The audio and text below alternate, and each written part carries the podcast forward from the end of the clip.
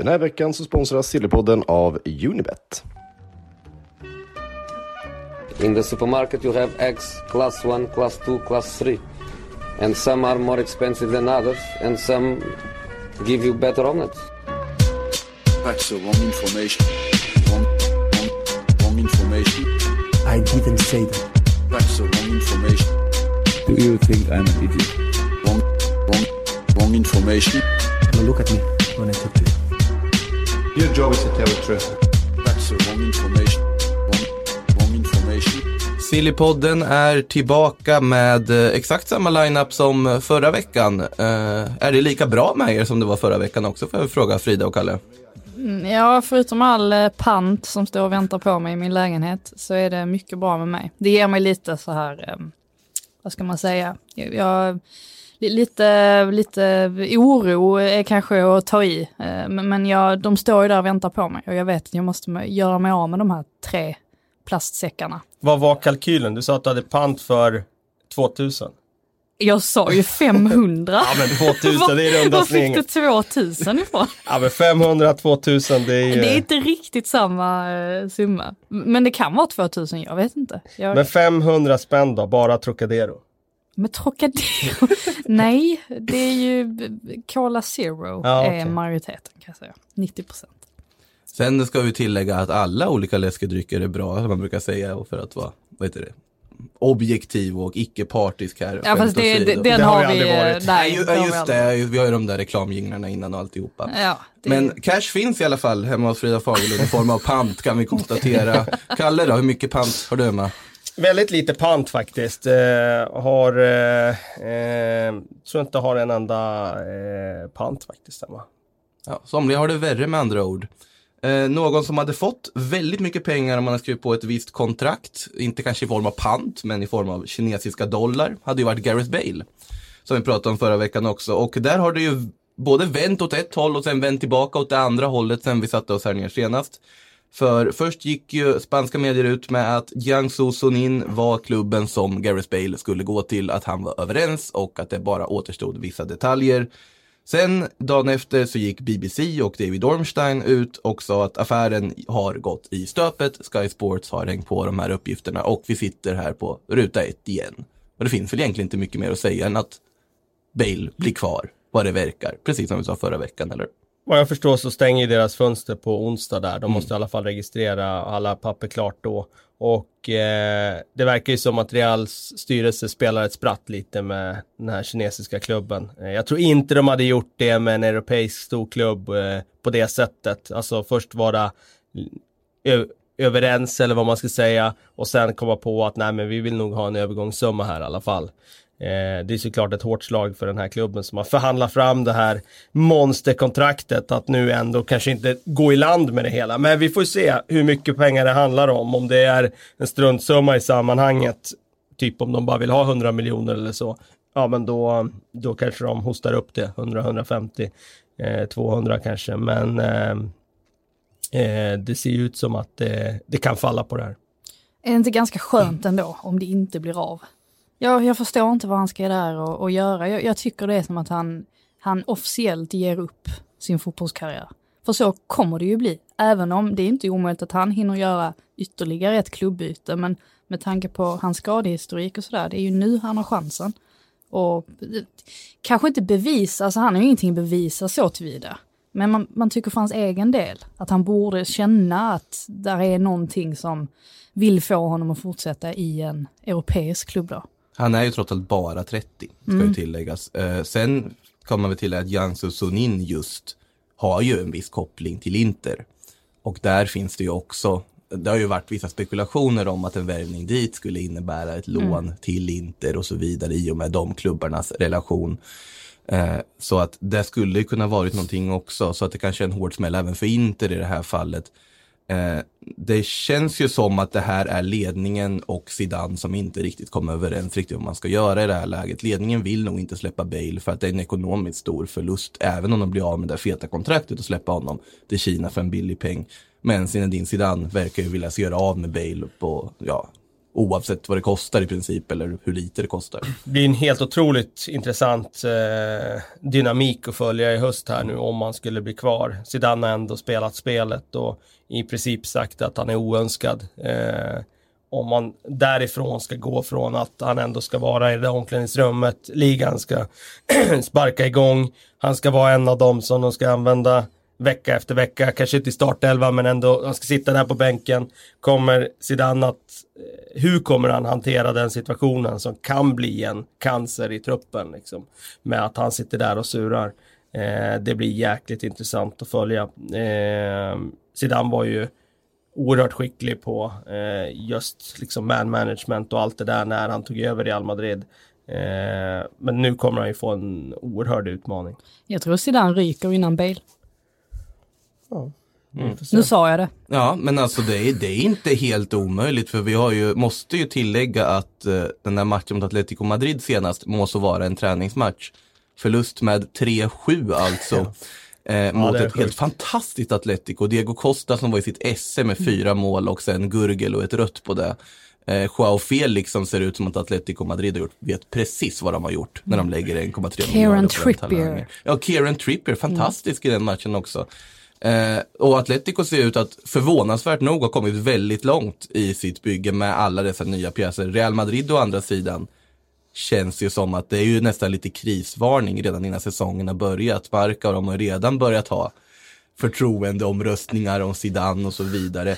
Ja, det är en hård bransch kan man Ja. lugnt säga. Jag har precis kommit tillbaka liksom och försökt ja, staga upp det här skeppet liksom. Och, och eh, det är inte mycket tid man får även om man har tre raka Champions League troféer i, i bagaget. Det, det är också intressant kan man tycka. En intressant grej i de här eh, vad heter det, opinionsundersökningarna, om man får kalla det där som Marca eller, ja, nu minns jag inte vilken av Madrid-tidningarna som gjorde det, men det är ju irrelevant i sammanhanget.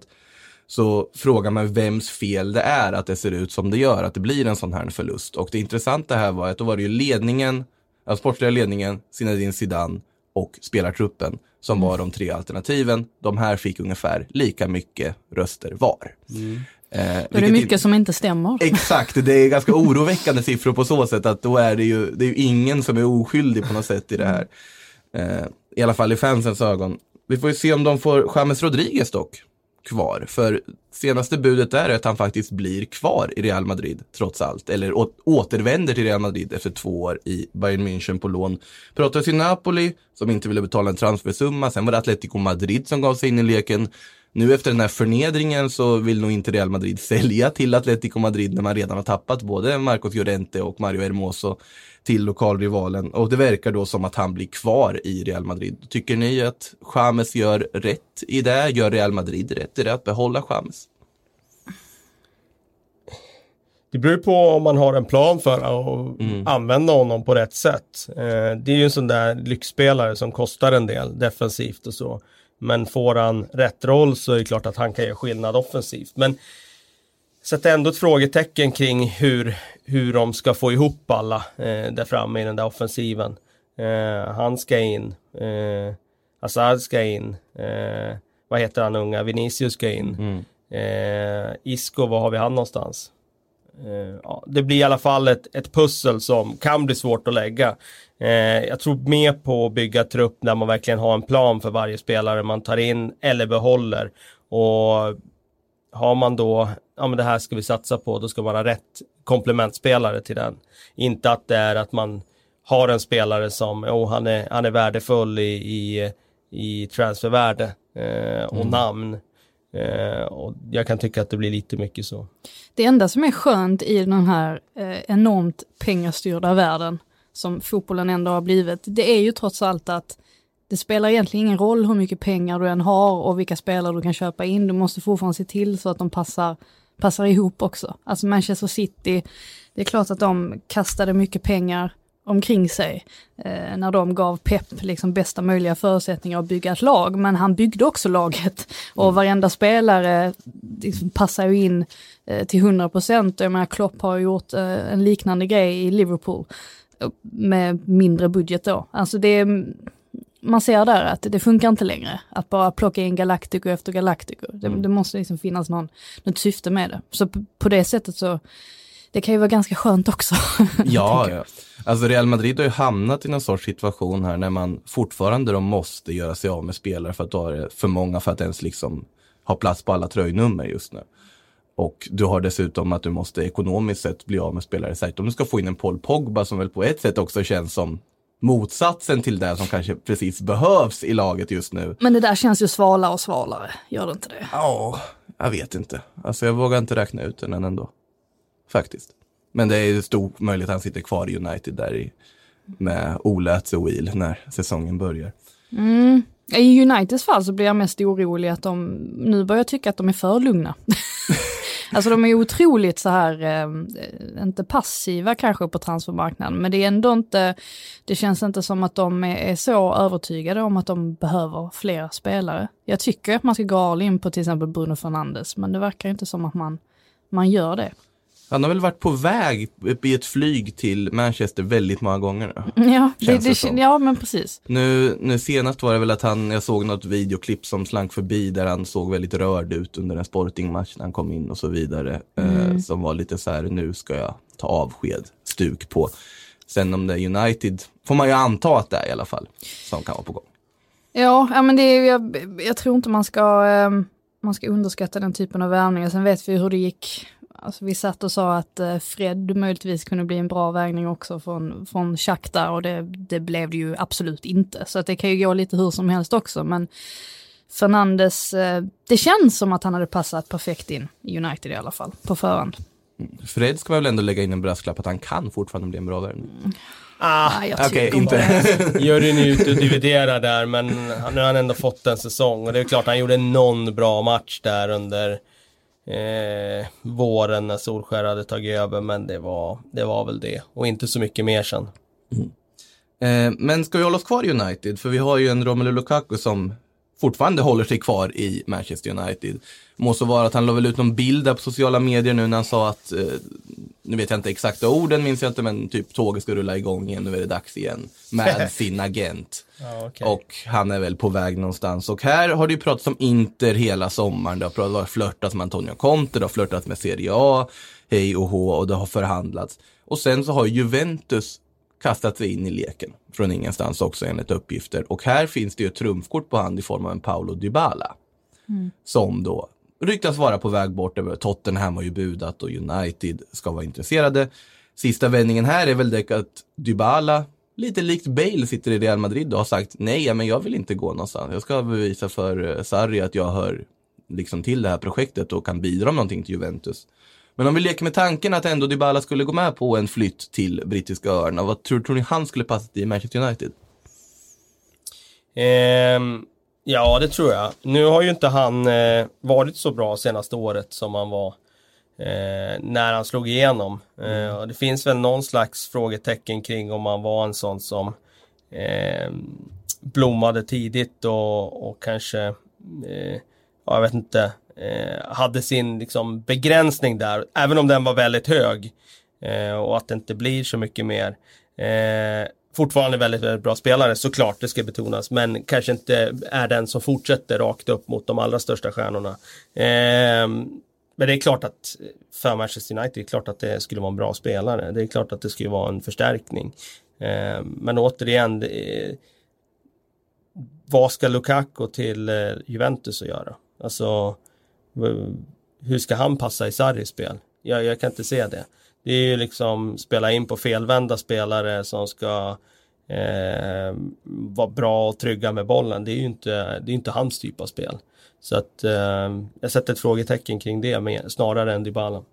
Jag är väl snarare lite intresserad av att se Lukaku i en annan form av fotboll. För det känns som att han ändå hamnat i något sorts fack i England. Att han är den här tunga targetspelaren som man kanske, det finns mer hos Lukaku skulle jag vilja säga. Jag vill se honom sätta sig i en situation där han måste visa mer än just den delen. Jag kan ha helt fel, det kan bli total fiasko. Men... Men han är väl lite för, eh, alltså rent tekniskt så, liksom, även om han gör 50% helt fenomenalt under en match så gör han också 50% som är helt sjukt. Alltså felpassar och, och ibland kan han ju inte ta, ens ta ner bollen. Alltså han är väldigt märklig på det sättet, väldigt, väldigt upp och ner. Jag kan inte säga att Sarri skulle Alltså, hans tålamod är ju inte jättestort. Jag vet inte om han skulle ha tålamod nog till att eh, s- ha en sån som Lukaku i sin trupp. Jag, jag tror att han är för, han är för ojämn i, i sina prestationer. Skulle vara intressantare att se honom i Inter, ska väl tilläggas, under Conte. Där tror jag att det ändå hade kunnat vara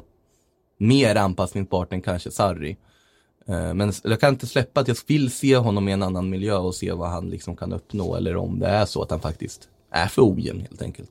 För att vara på absoluta Alltså vi har ju sett honom på nivå, jag menar i, Everton, alltså alla minns väl den säsongen. Alltså vi har ju sett när han, vad han kan, han är en riktig striker och, och det är väl klart att han, han kan vara bra för en klubb, men han är kanske inte, eh, han, han är inte på den absoluta toppnivån bland strikers, så kan man ju säga. Han är precis under det skiktet. Om vi, Dybala som vi var inne på tidigare, så har ju Tottenham har ju också budat på honom, ska ha fått ett nej på detta.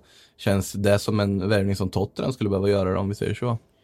Ja, det är klart att det kan bli en lucka där om Eriksen går och ska in någon spets på den där eh, diamanten som de verkar snickra ihop nu. Eh, men sen om det är eh, Dybala som ska ner i den rollen eller det är svårt att säga. Jag tror inte det kommer bli Tottenham för hans del i alla fall. Jag tror att det blir eh, att han blir kvar i Juventus, det är min gissning. Jag, eh, jag, jag, jag tror att han kommer själv vilja vara kvar och kommer att driva igenom det. Mm. Om vi tittar på Manchester Uniteds lokalrival City så de känns ju som att de har det ganska bra ställt och har ordning på saker. De har redan fått in Rodri den här sommaren och så vidare. Men nu har ju Sané-ryktet återigen dykt upp på tapeten. Vet du vad Niko Kovac, Bayern Münchens tränare, gick ut i tysk tv och sa det att vi är ganska övertygade om att vi kommer lyckas lösa Sané under det här fönstret.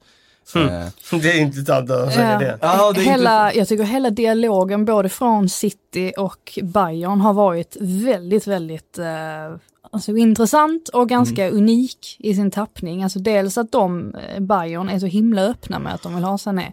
Men också när Guardiola får frågan om Sané på en presskonferens, hur man märker att undertonen är i princip att det är trist om man lämnar men eh, så mycket bryr jag mig inte. Det är lite den inställningen han har till Sané och det vet man ju sedan tidigare att alltså kemin dem emellan har ju inte, den fungerar ju inte och jag tycker att Sané är alldeles för bra för att sitta på, på bänken så mycket som han har gjort ändå i, i City. Det är ju nu han är i sin, sin prime lite grann. Eh, Och man kan ju inte säga att det förändras heller med tanke på att Sterling var bäst i Premier League, eller i alla fall topp tre och Bernardo Silva var topp fyra i Premier League förra säsongen. Alltså, var ska han in där någonstans? Det, det finns ju ingen plats där. Eh, just här och nu. Och för alla parter tror jag att det skulle vara en bra övergång till Bayern. Men det är intressant att de är så öppna med det. Jag menar det är ju lite oskriven regel eller nästan, skri- nästan skriven regel att du pratar inte om andra klubbar spelare liksom. Men här går man ut och säger på det sättet.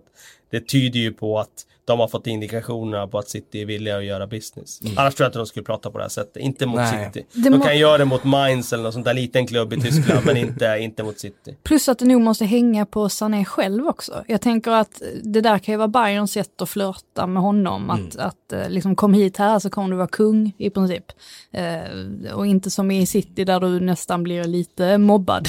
Mobbad. Ja, men lite eh, liksom hamnar utanför ganska, ganska ofta. Eh, det, det känns som att eh, Kovac försöker med någonting där. Eh, Ja, men locka det, det känns som när det här, det här dök upp väldigt tidigt under sommaren att det var koppling mellan Sané och Bayern som var ganska logiskt sett till att Bayern behöver en ny ytter. Sané har, som man har med speltid i City, ung och så vidare, tysk dessutom. Och jag tycker ändå fortfarande det här är en av de mest logiska övergångarna vi kan hitta egentligen under den här sommaren. Alltså det finns så mycket logik i den för alla parter. City som får bra betalt för en spelare som ändå bara roteras i en trupp som redan är väldigt bra. De kommer inte tappa så mycket kvalitet på det. Ett Bayern som får en spelare som de kan bygga ett lag kring, som kan bygga en offensiv kring. Och en spelare själv som kommer till liksom, sitt hemlands största klubb och får vara den stora stjärnan. Det finns all logik finns i den här värvningen och jag personligen hoppas att den blir av just av det skälet att det känns så rätt för alla parter där. Mm. Eh, Men om man tittar på vad City då ska hitta som ersättare, för de behöver ju fortfarande någon annan som roteras in då i det här laget, så har de tittat på Spanien och Mikel Oyarzabal i Alexander Isaks Real Sociedad. Utköpsklausulen där ligger på 75 miljoner euro enligt spanska AS. En ganska saftig summa, men för en ganska bra spelare. Vad tror ni? Oyarzabal, City, är det, är det en vettig ersättare? Jag har inte sett han tillräckligt men jag antar att du som följer La Liga vecka ut och vecka in kan bedöma eh, om man är eh, redo att fylla kostymen efter en Sané som i och för sig inte var så bra den här säsongen som var men som var fenomenal året innan. Mm. Ja, alltså som rotation känns det som absolut att Oyarzabal kan tillföra och sen tycker väl jag personligen, han är väldigt bra, han är talangfull, det är en spelare värd att värva. Men det är en väldigt saftig summa. Men det säger vi ju väldigt ofta om väldigt många spelare nu för tiden. Så att det är ju där de kommer kosta och Real Sociedad kommer ju inte vilja släppa honom i det här läget med tanke på vad de håller på att bygga. Eh, men om man jämför med till exempel en annan övergång som verkar desto närmare så känns ju, tycker jag, priset ganska bra. För då kommer vi till Nicolas Pepe som då enligt BBC ska vara på väg till Arsenal för 80 miljoner euro. Eh, Nicolas Pepe har ju varit bra i Lille Ja, ska ju tilläggas. Riktigt bra. Riktigt bra. Men frågan är, är det, är det rätt av Arsenal att spendera pengarna på det här sättet? Men jag tycker också sådär, man, man får titta på vad det är för spetsegenskaper spelare Mm. har. Inte bara liksom hur, hur bra de är och så vidare. Har de spetsegenskaper så finns det saker som, som kan göra skillnad och som kan utvecklas vidare och så vidare. Och han har ju, han har ju det där en mot en spel, den där X-faktorn som gör att han kan avgöra matcher eh, på egen hand och det, det tror jag kan vara oerhört liksom, det, liksom utslagsgivande i längden att ha det och det är det de betalar för liksom. Så att eh, det behöver inte vara fel att lägga stora pengar om man får den där typen av spelare som man tycker har de där egenskaperna som på egen hand kan avgöra matcher. Och jag tycker det är spännande att Arsenal bara öppnar plånboken på det här sättet. För det har ju varit en debatt kring hur mycket budget de har egentligen för värvningar och så vidare. Men eh, om de smäller in den här nu så är ju det ett jäkla statement. Hon kan lika gärna skita i defensiven ändå på något sätt. De har ju försökt att reparera den nu i hur många säsonger är det? Och, och det, det blir liksom aldrig, aldrig riktigt bra, eh, känns det som. Nej, de lånar ju tillbaka den här Saliba som de värvade så att det var ju ingen spelare som, eh, som ska göra gå in och, och staga upp det den här säsongen. Det är ju Rob framtid. Holding som ska Ja, precis. Det är ju en, eh, I september ska väl sägas för han är ju fortfarande, jag tror inte han kommer vara fit. för första fight. nej. nej, precis. Nej, men det är klart det ska in någon försvarare där och man tänker ju alltid att de måste ju lösa det. Men sen går transferfönstret så har de i alla fall värvat en liten offensiv spelare. Eh, och Alltså jag, jag skulle bli oerhört förvånad om de inte gör någon dammar in någon försvarsvärvning. Nej, men för det ska ju tilläggas att den här summan skulle vara uppdelad i x antal inbetalningar, vilket då ska göra att man ändå kanske har råd att Ja, fortfarande plocka in en värvning. Så brukar ju många summor vara nu för din. ja, så är det ju. så. Eh, Och i det här fallet är det ju absolut så, med tanke på att Arsenals transferbudget sägs vara hälften av vad Nicolas Pepe kostar. Eh, ni får se där, en annan ytter som tidigare ryktades till Arsenal, men där Arsenal och, i princip förstörde relationen med den klubben som försökte, höll på att sälja honom var ju Wilfred Zaha. Eh, nu är det Everton som har lagt sig i, i Wilfred Zaha eh, budgivningen enligt senaste rapporterna och det ska vara 60 miljoner euro plus en spelare kanske på det. Alltså, Som det ja, sägs. Ju, ju mer jag tänker på den övergången, för i Mm. första hand så tänker man ju alltid att, men eh, Everton, here we go again, liksom. De bara spenderar en massa pengar och så blir det inte sådär jättebra kanske i slutändan i alla fall. Men ju mer man tänker på Sarah Everton, desto mer perfekt känns det. För att deras stora problem nu den gångna säsongen, det var ju trots allt att de inte hade någon riktig striker. Eh, Richarlison är ju en liten annan typ av spelare. Han opererar ju ganska mycket utanför straffområdet, är djupt nere och hämtar boll. Och han hade liksom ingen riktigt att leverera bollen till. Jag menar Tuson får vi väl konstatera att han har inte fallit speciellt väl ut exempelvis. Ehm, så på det sättet tror jag att just de två hade kunnat bli väldigt bra i Everton. Um, för Sa är ju, han kan göra mycket på egen hand. Han gör mycket mål. Det är precis det Everton behöver. Ska tilläggas att vet du, vi har sågat Everton förut i den här podden av förklarliga skäl tidigare. Men Oj. senast, senast man gjorde det så fick jag lite reprimander från vissa som följer Everton lite mer som sa att det är en annan filosofi man har idag. Man jobbar mycket smartare än man gjorde tidigare. Bland annat för att man har tagit in en Marcel Brands som sport, sportchef och det har ju gett en förbättring i hur man agerar på transfermarknaden. Att det finns ändå mycket mer tanke bakom det man gör än att man slänger ut en halv miljard för en Sigurdsson. Till exempel måste vara att han var bra. Eh, till exempel Dinier-affären förra säsongen var ju ett exempel på det som var en väldigt klok affär i slutändan. Jag tycker ju fortfarande att Jeremina var ett bisarrt överpris sett till den kvalitet den spelaren har. Ja, Det var ju en VM-värvning. Ja, det var ju en ren V- Apropå VM-värvningar. Ja, bara att han nickade in tre mål i VM i princip. Eh, men André Gomes också som man nu värvar för en relativt billig peng och får mer kvalitet än vad kanske man har betalt för. Och så vidare. Eh, det känns som att Everton ändå har något vettigt på gång. Sen kan jag personligen känna, ja 60 miljoner euro plus en spelare för Zaha. Det låter dyrt men det är en homegrown player, det är en liksom landslagsaktuell spelare, det är en bra spelare som är prövad. Det kanske inte är så dumt ändå.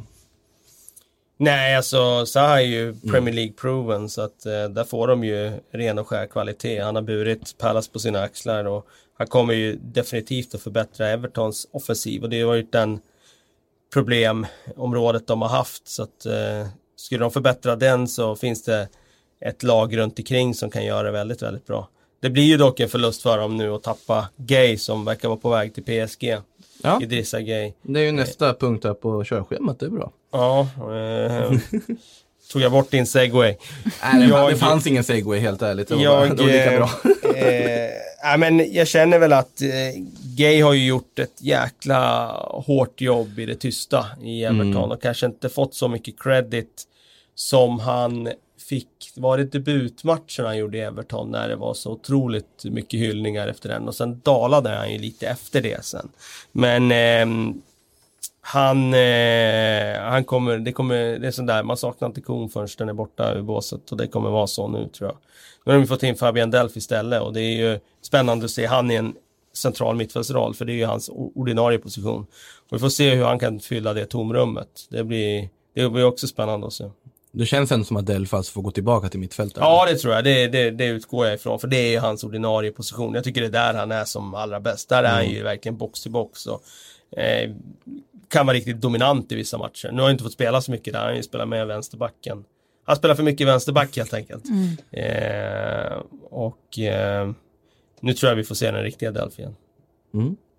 Eh, ska vi, eller innan vi går vidare på lite frågor så tänkte jag att vi har ju två stycken argentinare som sitter på den italienska ön som man fortfarande undrar vad som ska hända med. Den ena är Mauro Icardi, den andra är Gonzalo Higuain. Eh, senaste rapporterna man ska säga är väl att Roma har väl varit lite sugna på både och fram och tillbaka under det här transferfönstret. Och den frågan vi alltid ställer oss här kan vi väl ställa här nu igen. Vad händer med Icardi och Higuain? Kommer de sitta kvar eller blir de här klubbarna av med dem på något sätt? Kör swap deal med Lukaku där. Lukaku, Icardi, tjup. Jag tror det skulle vara bra ändå för United. Är det rätt? Eller, jo men jag tror, eh, United, alltså tror, det är väl klart att Icardi, nu har han ju sprungit runt och gjort sig eh, känd för att vara eh, en eh, spelare som ställer till ganska mycket och en, lite, lite av en bråkstake. Eh, och hans kära fru och agent har ju inte bättre rykte Nej, Eh, inte hon- riktigt. eh, heller. Men sen samtidigt så, fan, alltså man får ju titta på vad det är för typ av spelare. Det är ju fortfarande en spelare som, alltså definitivt det är bättre än Lukaku, tycker jag, till exempel. Så att för Uniteds del hade det ju varit en upgrade att få dit hon- honom. Det, det tycker jag ju. Ja, alltså som, som spelare, absolut. Det är väl mer det där just den där bråkstake, äh, vad heter det, parametern som, med tanke på vad Ole Gunnar Solskjaer verkar försöka bygga för typ av lag. Ja, det är ju sant. Alltså, han går ju inte riktigt eh, hand i hand där med Solskjaer. Man kan ju inte se dem. Eh, å andra sidan, jag tycker sånt där är svårt också. Och när man inte har träffat spelaren heller och inte riktigt vet Ja, vad så- han är för någon. Alltså det, det är väl klart att eh, liksom, man kan utläsa vissa grejer från eh, sociala medier och eh, från eh, diverse italiensk media. Men jag tror inte att det visar hela bilden heller. Så att sånt där är alltid väldigt, väldigt svårt att, att prata i. Sen är det ju där, alltså det verkar ju som att Solskjaer vill bygga ett lag som de ska springa väldigt mycket. Eh, det ska vara mycket fart och de ska springa och ja, jag tror inte att eh, han är så intresserad av var, var, vare sig Lukaku, Icardi eller Higuain på den punkten just. Alltså han vill ha spelare som är duktiga på att pressa. Och, Young lads, helst. Ja, helst eh, sådana. Och jag menar, jag tycker det är naturligt då att han tittar på en sån som Matuidi till exempel som eh, som är väldigt duktig bollvinnartyp och springer mycket och så vidare. Kanske inte så ung. Eh, inte så ung, men han har ju bra eh, lungor. ja, Och Det är jag ju en bra det fotbollsspelare absolut. fortfarande. Eh, jag tror att det är sådana spelare. Så att den som spelar där framme, jag tror att det blir Rashford som är tilltänkt för att spela där framme. Mm. Eh, och då ska de ha ett komplement där och det är inte Icardi. Nej. Alltså när du ändå kom in på Matuidi där så känns det som att om Paris ska ta in, alltså Idrissa Gana Gueye nu, de har redan värvat in Ander Herrera, de har värvat in, eh, Ja, nu ska det vi finns se, det är Pablo. Sarabia som har kommit in, du har Paredes, du har Verratti, vad ska de göra med sitt in, eller inte Matuidi är inte i Paris Nej, längre. Ja, nu, nu, var jag, nu var jag några år för långt bak i tiden och placera kvar honom i Paris. jag, jag, jag, jag var spänd på att se vad ska, hur ska Ja. du knyta ihop Ja, den här. Hur ska jag få ihop det? Nej, det här var ingen segway, det här var bara jag som lever i förflutna. Eh, ursäkta detta, men oavsett så har Paris mycket mittfältare. Ja, Så kan vi säga. Vad, det känns ändå som att man värvar väldigt mycket liksom så här fyndmittfältare bara rakt av här nu. Ja, det, det, är- det är korrekt. Alltså, det går inte att säga något annat med tanke på att Herrera nyper de ändå på Bosman och, och Gay känns ju också som en så här, ganska prisvärd värvning för den ja, kvaliteten eller vad man ska säga. Det, det, han är ju inte spetskvalitet för att vara PSG men han är ju en bra truppspelare ändå där tror jag. Nyttig. Mm. Det blir intressant dock, vi har inte snackat alls om Milinkovic Savic där. Det borde vi göra. Eh, där tycker jag väl att det, om man läser mellan raderna känns det som att det närmar sig. Och det är ju en Pogba-ersättare. Så det skulle ju tyda på då i så fall att Pogba går. De kommer inte plocka in honom om, om eh, Pogba är kvar, det kan jag inte tänka mig. Även om de inte tar Bruno Fernandes då. Ja, men jag tycker det är lite för mycket samma typ av spelare och lite Mm. samma. Alltså ska de ha både Milinkovic Savic och Pogba på samma mittfält? Det, ja, nej, det, jag tror inte på det. Det blir svårt att slå så här, vad heter det, höga crossbollar förbi det mittfältet då. Det blir liksom, då saknas inte Fellaini Ja, de är mycket fysik där. Ja, Sen om de har längden. så mycket liksom ehm, försvarsegenskaper, det sätter jag en frågetecken kring. Dock har de ju väldigt mycket sådär individuell kvalitet Mm. i överflöd då. Vi har ju inte ens berört vad som händer med Harry Maguire. Alltså vad... Det är tyst nu. Ja, Det är nu, därför vi nu, inte har har berört det, det. nu har det inte hörts Nej. mycket. Nej. Inte mycket alls. Nej. Betyder det att det är något på gång får man ju fråga sig. Betyder det att det blir en van Dijk situation så att han kommer att bråka nu hela hösten och sen så går han i vinter istället till För United? ännu mer pengar. Jag vet Ja, inte. det, Ja, nej, det är väldigt tyst om det nu. Jag kände att det var läge att Jag räknade nästan in det. Jag tror nästan jag gjorde det nu när vi skulle göra den där enkäten till bilagan. Mm. där. Att det liksom, ja men man får ju kalkylera med vad man tror kommer Ja. gå igenom liksom.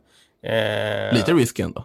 Ja, det är lite risky, men eh, man måste, living on the edge, du vet. Eh, och jag räknade nog med att det skulle bli så. Ja, För vi, att de skulle sträcka sig dit där ja, utköpsklausulen är liksom. Vi kommer ju garanterat få möjlighet att prata Harry Maguire här igen oavsett om det kommer dyka upp någonting eller inte. För det är ju anmärkningsvärt i sig att det inte har dykt upp. Ja, Eftersom det verkar som att han själv vill dit i alla fall, väldigt gärna. Eh, vilket då ju kan gå ut över hans prestationer Mm. i Leicester under hösten, om det skulle vara så. Ja. Intressant. Eh, ska vi gå över till lite läsarfrågor? Eh, vi kan ju ta Petter Svensson här när vi ändå är inne på United. För han frågar om det är någon substans i ryktena om Bruno Fernandes till United. Det har vi i och för sig avverkat. Men är han rätt spelare att plocka in kan man ju fråga sig. För om vi tänker att Pogba är kvar då. Så Bruno Fernandes är väl ingen defensivt hårt arbetande mittfältare heller direkt. Han ligger ju lite, snarare lite längre fram.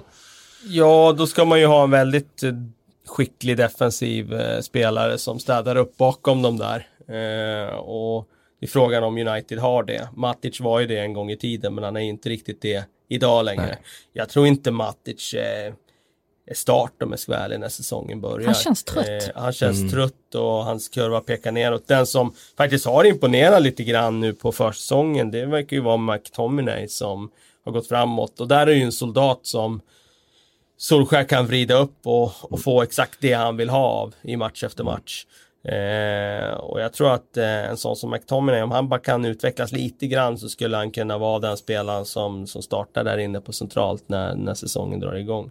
Nej, men det tror jag också att det känns ändå som att han är tänkt, tilltänkt startspelare i dagsläget som mittfältet ser ut idag i alla fall. Och sen ska det in en Pogba, det ska in en, en till spelare verkar det som att de söker och så får vi se vad det blir.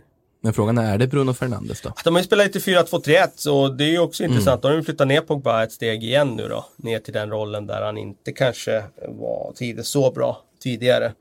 Eh, så vi får se hur, hur det blir.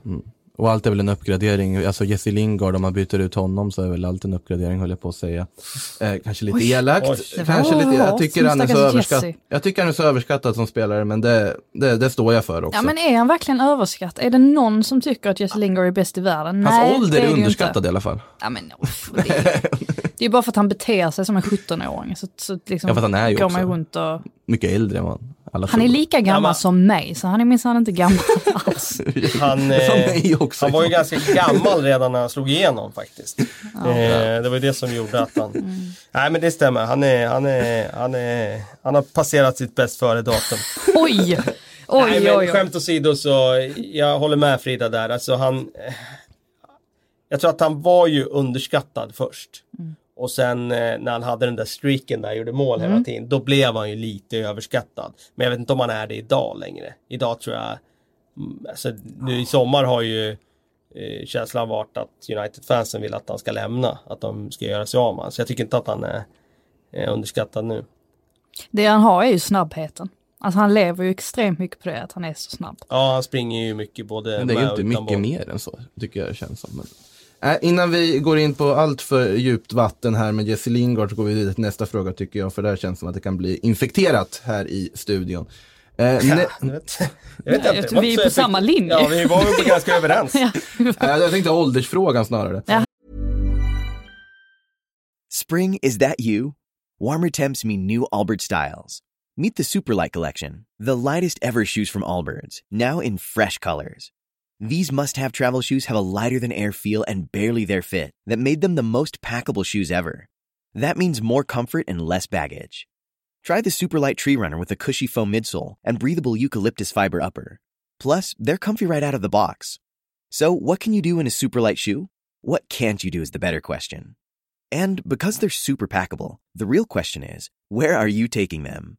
Experience how Allbirds redefines comfort. Visit allbirds.com and use code SUPER24 for a free pair of socks with a purchase of $48 or more. That's A L L B I R D S.com code SUPER24. Ah, Eh. Nedim Ali frågar, vilken mittback tycker ni att Arsenal bör värva? Och vi kan väl konstatera att en mittback behöver komma in. Så jag tyckte det var en ganska vettig fråga.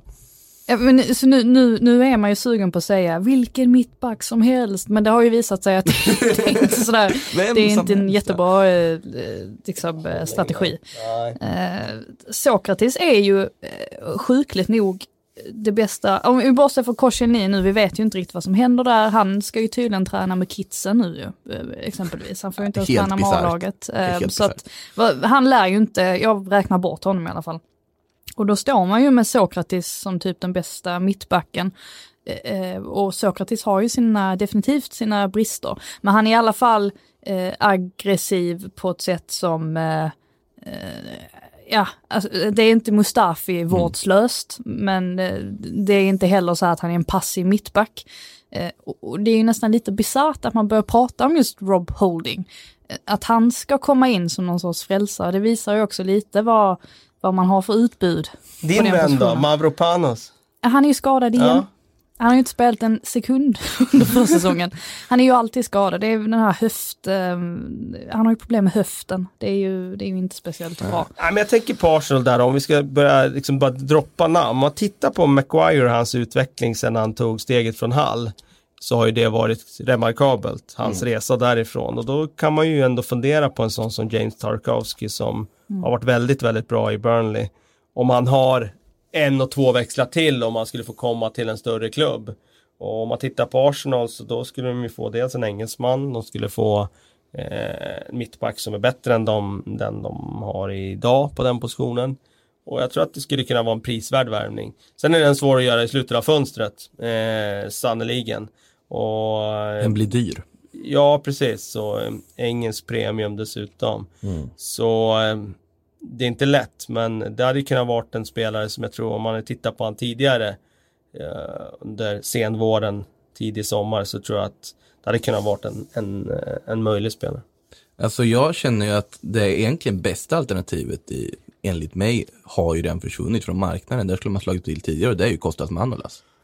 Som fanns för ett väldigt billigt pris på väg bort från Roma. Nu var det ju Napoli som fick den fina dealen med Dia- Diawara plus lite cash och inte mycket cash heller i de här sammanhangen. Där fanns det en mittback som för ett skäligt pris skulle kunna gått in och liksom leda ett försvar på ett ganska bra sätt. En bra mittback och sen har vi ju Sokratis bredvid, liksom. då har vi ju grekkopplingen också. Just det. Vem är nästa Laporte i La Liga då? I allmänhet, alltså jag tänker ju, en, alltså Mario Hermoso var ju också ett namn som man skulle kunna slänga in som, nu är ju han klar för Atletico som betalar en helt okej summa för honom också. Men det fanns ju mycket spelare tillgängliga ganska tidigt stadie på transferfönstret som redan nu är liksom paxade eller plockade som Arsenal skulle kunna ha gått för. Men det finns som. ingen ny Laporte som kommer underifrån i Spanien som är liksom sådär ja, men intressant i åldern 19 till 21 där. Ja, men det är väl typ Hermoso skulle jag säga. Nu vet jag inte om Hermoso Ja, men kanske är möjligt. Ja, precis. marknaden. Jag sitter och funderar nu på rak arm vilka andra mittbackar vi skulle kunna slänga in i en sån. Uh, nej, ingen jag kommer på just nu, men det finns ju garanterat liksom. Ja, det är... ehm, Men som sagt, de har ju försökt att, att reparera det där hur länge som helst och det har inte lyckats. Sen får man ju sätta frågetecken, jag menar eh, Bering kommer inte tillbaka på ett tag i alla fall. Jag vet inte hur länge är det kvar hans? september, oktober Ja, har jag okej, ja. hört eh, är det senaste. Alltså där, han- där han kan spela. Alltså tänker man kanske efter då första landslagsuppehållet. Um, och jag menar vad har man för ersättare? Ja, alltså Maitland Niles det är inte hans bästa position. Vad har man bakom honom? Carl Jenkinson. Eh, alltså där är också en del frågetecken. Så Ja. att det, det är ju ett eh, minst sagt skakigt eh, försvar. Sen får man se, Sebaggio kanske kan ehm, rätta till det till viss del, för det är klart har man en bättre täckning framför backlinjen så, så blir det ju per automatik bättre också. Men, ja, Erik Rosberg frågar faktiskt där, tror ni Arsenal kommer vilja satsa på Ceballos som är på lån utan köpoption? Hans val om jag förstått det rätt. Vadå satsa? Alltså låta honom spela? Ja, eller liksom bygga liksom spelet lite kring honom, antar jag. Så tolkar jag frågan. Alltså helt meningslöst annars att hämta in honom för Ja. den summan tycker jag. Alltså är det. Sebaggio och, och Torreira ser ju jag. Det är ett på- jättefint mittfält på Ja, pappret tycker jag. verkligen. Alltså det känns ju, man tar ytterbacksfrågan i alla fall. Det har ju pratats om Tierney från Celtic, men det är ju andra kanten man jämför med Bellerin. Det är ju en vänsterkantspringare. Och det, han tycker jag man ska köpa. Det tycker jag. Det, är, han, det var ju väldigt mycket snack om honom för några år sedan, alltså Mm. innan hans skada. Eh, och då var det ju liksom, eh, åh det är den nya Andy Robertson och, och det var ju liksom hur För att han är mycket... skotte. Ja, eh, och nu, nu har ju priset av eh, liksom, anledning, för förklarliga anledningar sjunkit. Mm. Eh, han har varit skadad dessutom ju, så att han har liksom inte fått visa upp sig. Man vet ju fortfarande vad han sitter på för, ja, men för egenskaper och sådär. Sen är det klart, han är ju Celtic through and through, så jag tror ju inte att han har någon panik kring att lämna heller. Alltså han vill nog se till så att det sköts på ett bra sätt och på ett värdigt sätt. Men jag tycker att det vore en väldigt bra värvning om man får till det. Då eh, kommer ju Kolasinac få tufft att platsa där. Han Och agera... han ska ju vara lagkapten nu efter... När man ska vara säkerhetsvakt. Det är det jag menar, han har väl säkerhetsvaktsgigget eh, på sin post nu. Alltså jag tänker återigen så här på spelare som jag förstår inte varför man inte eh, eller ger sig på tidigare och så vidare. Så om vi pratar högerback så finns ju en Thomas Monier. Som ligger där i Paris och verkar vara aktuell att kunna lämna. Tycker jag också är en så här solklar värvning att plocka in. Om det finns möjlighet. Ja, mycket som ska stämma. Ja, så är det ju också naturligtvis. Eh, om vi håller oss kvar i Premier League. Olle Persson frågar här. Vilka spelare bland de uppflyttade lagen i Premier League är värda att hålla ett öga på sett till prestation och potential den här säsongen? Till exempel Max Aarons i Norwich eller Grealish i Aston Villa. Har de vad som krävs? Alltså Grealish är ju, jag tycker alla som har spelat med honom, eller på något sätt sådär, ja men typ jag såg Michael Richards nu när han eh, la av, så gick jag in och så kollade lite på hans bilder och då hade han liksom ett helt hyllningsinlägg till Jack Grealish. Så man märker det där är, och det har man ju hört från, det är inte bara han utan det är ju enormt många som hyllar honom. Så det ska ju bli oerhört intressant att se honom mot ännu bättre motstånd och få liksom svart på vitt om han verkligen håller. Eh, det tycker jag. Han har ju dock redan varit i Premier League så att eh, han är ingen ny spelare i Premier League Nej, på det men sättet. nu har han ju lite, nu har lite mer erfarenhet. Alltså vi ser ju ändå rätt många som kanske gör en vända och sen så misslyckas det och så får de en ny chans. Typ Zaha också. Det här med att han gick till United, det blev inte alls bra. Går tillbaka till Palace, liksom kommer in i det igen, kanske får till en lite större flytt nu. Alltså inte i förhållande till United-flytten, men i förhållande till vad Palace och dess status. Det är ändå lite intressant om man tittar på de tre nykomlingarna att de agerar ju väldigt olika här nu inför säsongen. Känns som- så har det varit lite de senaste åren. Ja, så har det Alltså. Men Som till exempel Fulham förra säsongen som värvar eh, namnkunnigt och mycket liksom eh, kontra ett annat lag som kanske inte gör det. Eh, jag tänker på Aston Villa till exempel nu under det här fönstret har ju värvat ganska intressant och ganska mycket. Jag är ju intresserad av att se Trezeguet, alltså den egyptiska Trezeguet Ja, i. Premier League. Mycket exempel. snack om honom de Ja, senaste men det är för att han heter Trezeguet också. Ja, det kanske är därför. Eh, Temo Pukki är ju intressant. Han Ja. var ju intressant i Bundesliga för många år sedan. Eh, Och var ju fantastisk i eh, Championship nu också. Eh, precis, och Mm. det förvånade mig lite för att efter att han slog igenom, det var ju Schalke han var för hundra år sedan, eh, som ung och lovande. Och sen eh, eh, när han bara plötsligt började göra avtryck Mm. i Championship, då hade man inte tänkt på honom på, på länge. Eh, men det blir spännande att se. Sidospår här nu, men jag minns att du tog, lyfte ju Mason Mount tidigare under den här Mm. sommaren. Två mål mot Reading här nu för Chelsea förra Ja, exakt. Jag kollade lite på deras träningsmatch här. Inte mot Reading, men Mm. den de spelade innan där mot Barcelona. Eh, och jag tycker att eh, han är verkligen värd att, att hålla ögonen på. Eh, som sagt, jag såg han i, i, i Täby i P17-landslaget för snart tre år sedan. Tiden går fort. Mm. Känns inte som det var så länge sedan. Men eh, eh, och då var han matchens lirare i den matchen vill jag minnas. Och eh, eh, nu har han gjort den där lånesvängen som alla Chelsea-ynglingar får göra. Nu är han tillbaka. Eh, det är Lampard som är tränare. Han kommer garanterat satsa på de egna. Mount som han dessutom kände från Derby där han var utlånad i, i fjol. Då. Det, jag tror att han eh, har en jättechans här med som Mount att spela sig in och, och bli en bärande spelare i Chelsea på sikt här. Mm. Om vi ändå är inne på Chelsea, Jimmy Block frågar Saha, som vi redan har varit inne på i och för sig, ryktas till Chelsea utlåning nästa sommar. Är det vad Chelsea behöver? Att han ska låna han till nästa sommar. Ja, på något, någon form av vänster. Jag vet inte, jag har inte sett det här ryktet själv ska Nej, inte jag heller. Men om vi leker med tanken Wilfred Zaha i Chelsea. Ja, för de får göra lån alltså med sitt transferförbud då eller? Ja, det är högst oklart som sagt. Ja, för jag tänkte precis säga att jag vågar inte riktigt... För det, eh, det känns ju som att man kan komma runt rätt mycket om man får låna in spelare på det sättet. men för Det, är känns ju som det. men det är- känns ju inte som att det riktigt går. Nej, men vadå, hur ska de kunna registrera Saha i sin trupp? Nej, Det- jag, det är jag ju det de inte får göra, kring det. Sätter ett frågetecken kring det. Nej, det känns som att eh, Jimmy har missat registreringsreglerna här lite med frågan. Men... eh, eh, dock kan man säga där Mm. att det, det, det är ju ett frågetecken kring deras anfallssituation där. Tammy Abraham såg jag här nu i den träningsmatchen där och han är ju stark fysiskt så, men väldigt, väldigt oslipad och det blir väldigt mycket fel på sista tredjedelen. Alltså väldigt mycket felbeslut där. Eh, kanske kan utvecklas med speltid nu och så, eh, men eh, sätter ändå ett frågetecken kring om man, om man kan bära det där anfallet. men det är väl Giroud som är första valet? Giroud är första valet men eh, Giroud vet vi att han är inte tillräckligt bra för att vara i ett lag som ska vara ett av de allra bästa. Eh, han vill mest spela felvänd och det kommer finnas matcher där, där, eh, där de egentligen behöver något annat. För det var ju det man kände med när, när Giroud spelar och startar matcher. Då känner man att man vill ha något annat. Och när han inte är på plan, då känner man att man vill ha honom som inhoppare. För där är han ju otroligt effektiv. Alltså jag, jag tror dock inte man ska underskatta Frank Lampard som tränare. Alltså jag tycker man ser det mycket. Han eh, toppar ju, eller ligger ju väldigt högt upp på alla listor och vilka tränare som kommer få kicken först och, och sådär. På- Alltså sett till odds och sånt. Men jag tycker att det han visade i Derby, alltså han är ju väldigt flexibel som tränare. Alltså han ändrar spelsystem beroende på vem han möter och det känns som att han är ganska duktig på att få in liksom, olika spelartyper i ett system. Han är ju ingen Sarri som har ett system och så, så bara trycker man in spelare och så ska man spela i systemet. Så att jag tror inte det är omöjligt heller att han ändå får hyfsad, alltså eh, för, för hyfsad ordning på det.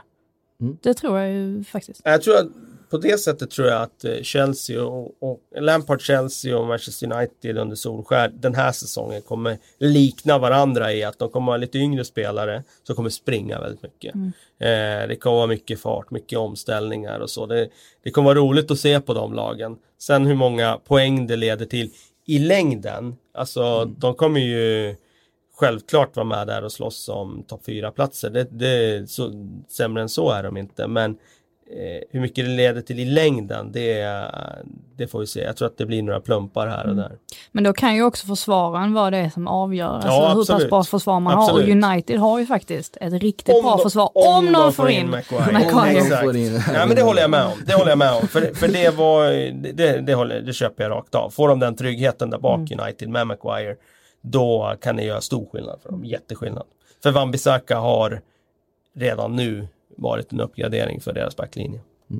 När vi ändå var, touchade Derby lite, vi får faktiskt förvånansvärt mycket frågor om Championship, men jag tänker analyser om det som helhet, det sparar vi till Premier League-podden när den drar igång igen. Till psyk. Eh, till psyk, han får Älskar ta, Championship. han, han gillar ju Champ, han får ta det. Han är där. så här playoff, Ja, just det.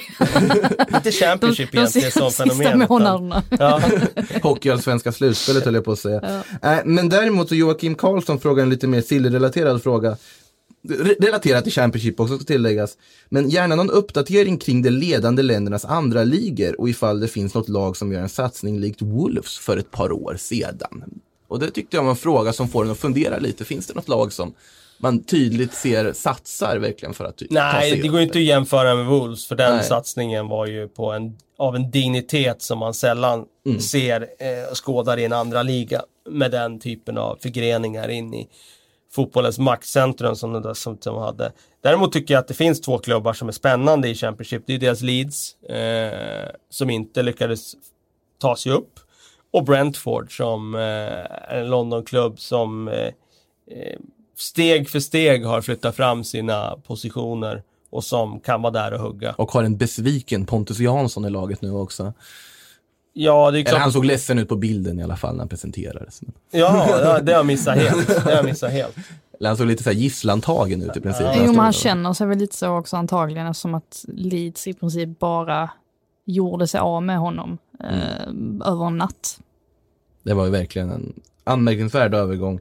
Något som skulle vara anmärkningsvärt är ju om Sandström här får rätt i sin, alltså vad heter det, prognos här. När plockar Bielsa Sanchez till Leeds? Hade honom i Chile så nu korsas väl deras vägar. Oj. Eh, Ja, just det. Det hade han ju faktiskt. till, till att börja med så... Ska han ta över lönen då också? Eller ska Ja, Leeds det var, ta lite, över det var lönen? lite ekonomiska aspekter jag kände och även De lite sport. tillbaka Peter Ridsdale som ordförande. Det var ju han som drog Le- Leeds rakt ner i fördärvet genom att köra eh, ja, den mest expansiva eh, liksom, eh, ekonomiska vidlyftigheten som fotbollen någonsin har sett. Det var ju då de på kansliet hade de ju en guldfisk som eh, de hade inte köpt in guldfisken på kansliet utan de hyrde den. För 300 pund i månaden och sånt där. Var det en fin guldfisk då?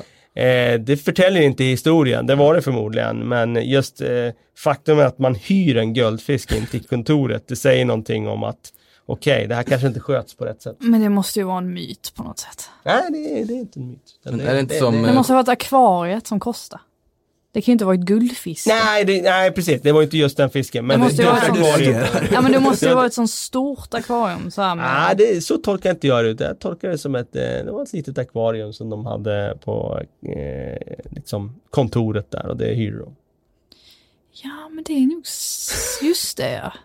Nu börjar det komma tillbaka, men det var Du fick någonting. en idé, du kanske Nej, ska men det var, göra det själv. det var någonting bakom den historien. Jag tror jag redan jag har klart namnet på det här avsnittet i podden i alla fall. eh, när vi ändå är inne på brittiska gärdsgårds serier så måste jag ändå när Frida sitter i studion ta den här frågan från Simon Norin. Några nyförvärv på väg in till Charlton. Vad är det Nej, jag senaste? har ingen aning. alltså, nej men grejen är att eh, det som är så jäkla intressant är ju att alltså, de har ju verkligen varit i botten i flera år. Lyckas ändå ta sig upp. Och sen så var det ju hela den här eh, härvan där med eh, Lee, alltså där han Alltså hur var det nu de gick ut på, detta var mitt under VM, så jag var ju i VM-bubblan medan detta hände. Eh, vilket gjorde att jag kunde inte följa det så nära som jag hade velat göra det. Men att de gick ut och, och skrev öppet på sin hemsida att eh, de inte kom överens med Bauer. Varpå de ändå ändrar sig två dagar senare och bara, ja men nu har vi kommit överens.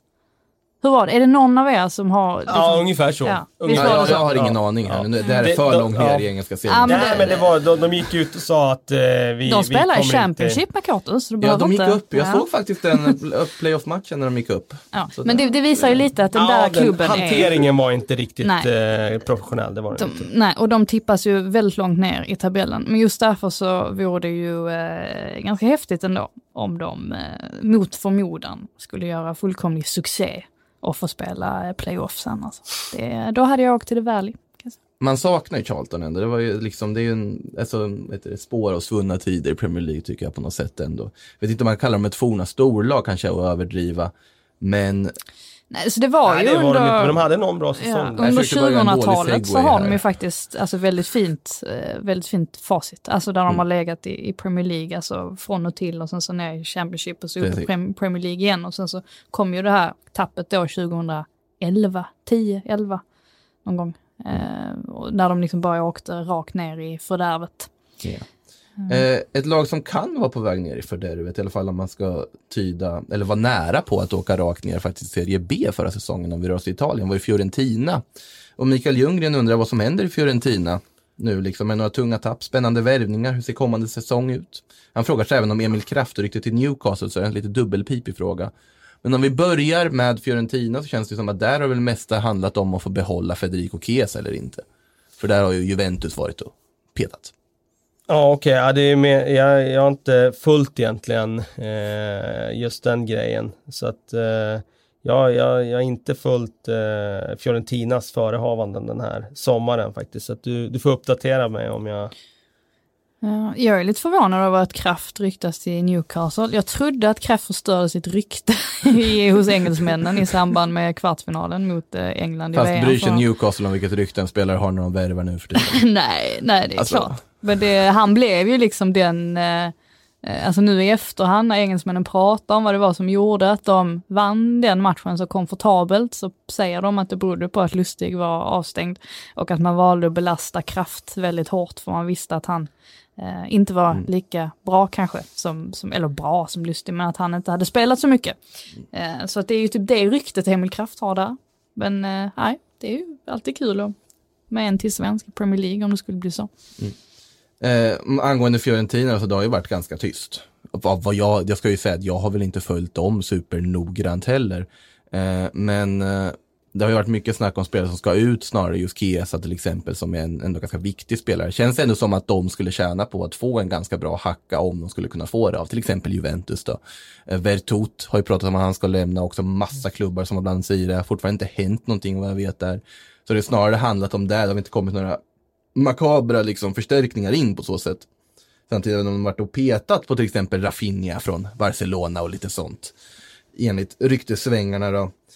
Eh, om vi rör oss vidare, får, jag gillar ju giffar och här har vi faktiskt en GIF så det här får vara med även om det inte är en fråga.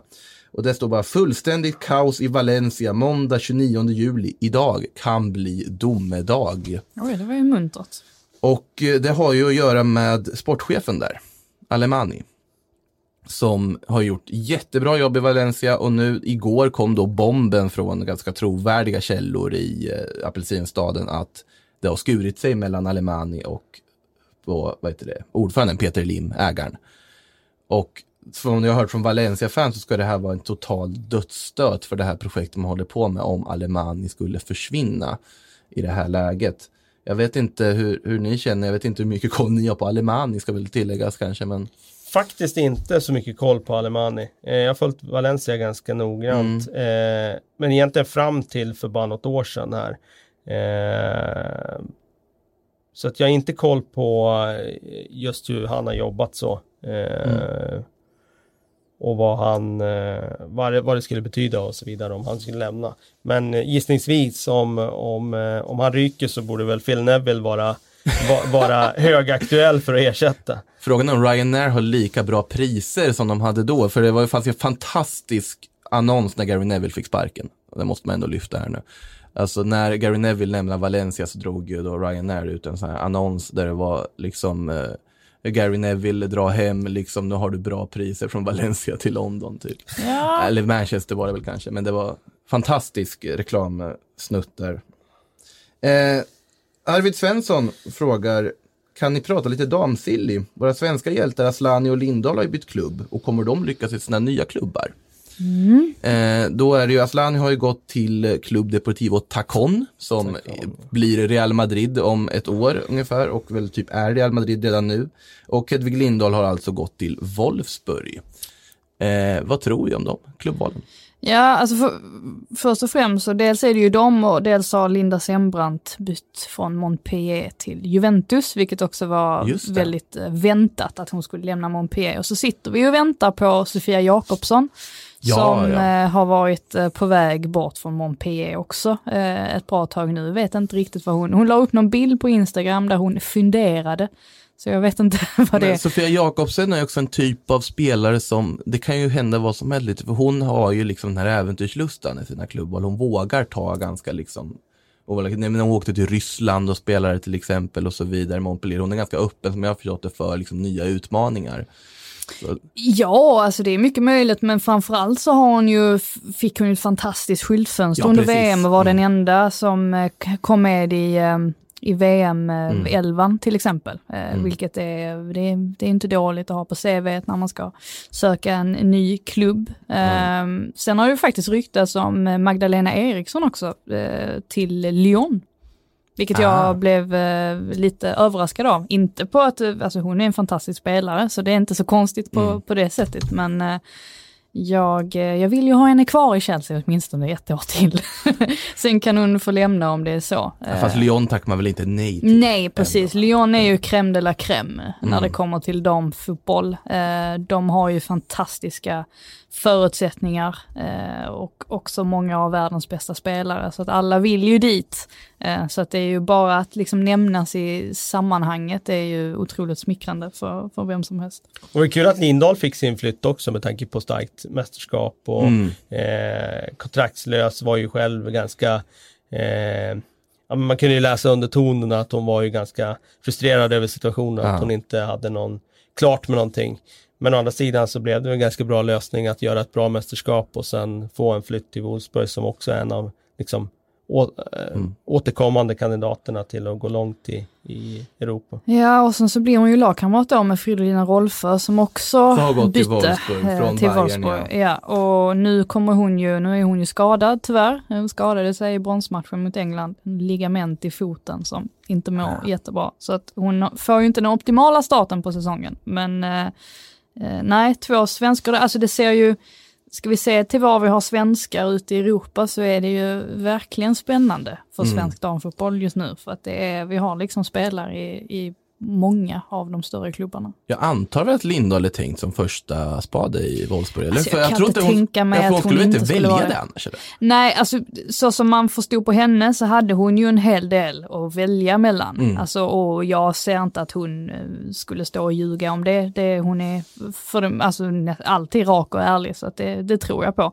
Eh, Det hon var ganska snabb med att säga var ju att England var helt uteslutet. Jag vet inte, det känns som att hela denna våren har nog traumatiserat henne ganska mycket också. Alltså verkar det som, för att Ja, men hon har varit väldigt öppen med liksom hur tufft det har varit och så vidare. också. Ja, och hon har ju varit i skiten tidigare i karriären Mm. där hon har fått väldigt, väldigt mycket kritik och blivit ratad, alltså rent ut sagt. Mm. Och det kan väl säkert varit därför också det var extra jobbigt. Men eh, hon var cool också på det sättet att hon tog sig samman. Hon eh, frågade Peter Käcks målvaktstränare, kan du eh, se till att få mig i bra form inför VM? Och ja, han hjälpte henne och så kommer hon till VM och är bättre än någonsin. Det är minst sagt imponerande. Så ja, jag antar att eh, hon kommer vara första målvakt i, i Wolfsburg, i alla fall för att spela mycket. Jag vill gå tillbaka till uh, klubb CD Tacon Mm. av förklarliga skäl. Uh, Aslani vart ju den första så kallade Galactican som kom till det här nya projektet.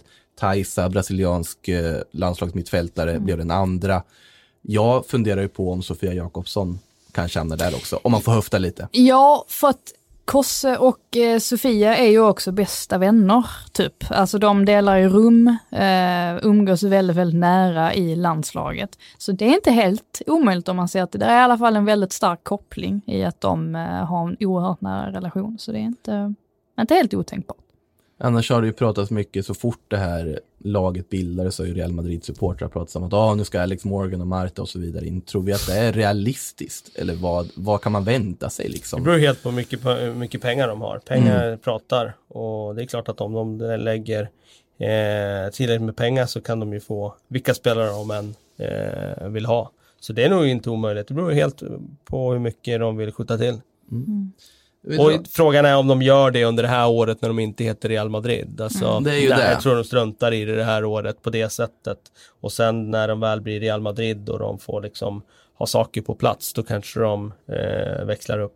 Jag vet inte om man ska tycka om Tacons klubblogga i alla fall. Nej, Men- den är, men- som kvinna så tycker jag att den är anskrämlig. Ja, så den lockar ju inte direkt. Det är alltså en högklackad sko. Precis, ska vi kanske tillägga, med rosa färger och dylikt. Eh, eh, ska vi ta någon fråga till innan vi stänger butiken? Kevin Bader, som har varit faktiskt här tidigare också, frågar, senaste rapporten placerar Kedira i Arsenal. Vad tror vi om den förstärkningen? Jag har inte sett något om det alls. Eh, men det hade ju varit en, det hade varit en riktigt intressant värvning för dem om man tänker på vilken spelartyp han är och vad han skulle bidra med. Men håller han idag då?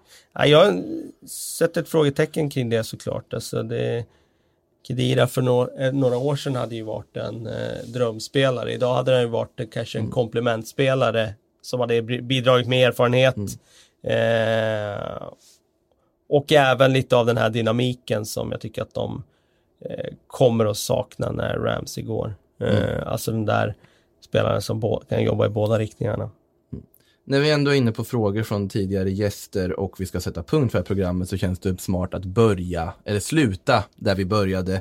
Babylona frågar, vad är alternativ för Bale nu när Kina inte verkar bli av? Blir det tapas och golf fram till januari med Saida från Zidane varje dag? Alltså jag tror att han blir kvar i, i Real. Ehm, vi börjar och avslutar där känns det som va? ja, Att han blir kvar trots allt. ja och eh, just på grund av att det finns inte så många andra klubbar där det är finansiellt möjligt att lösa honom.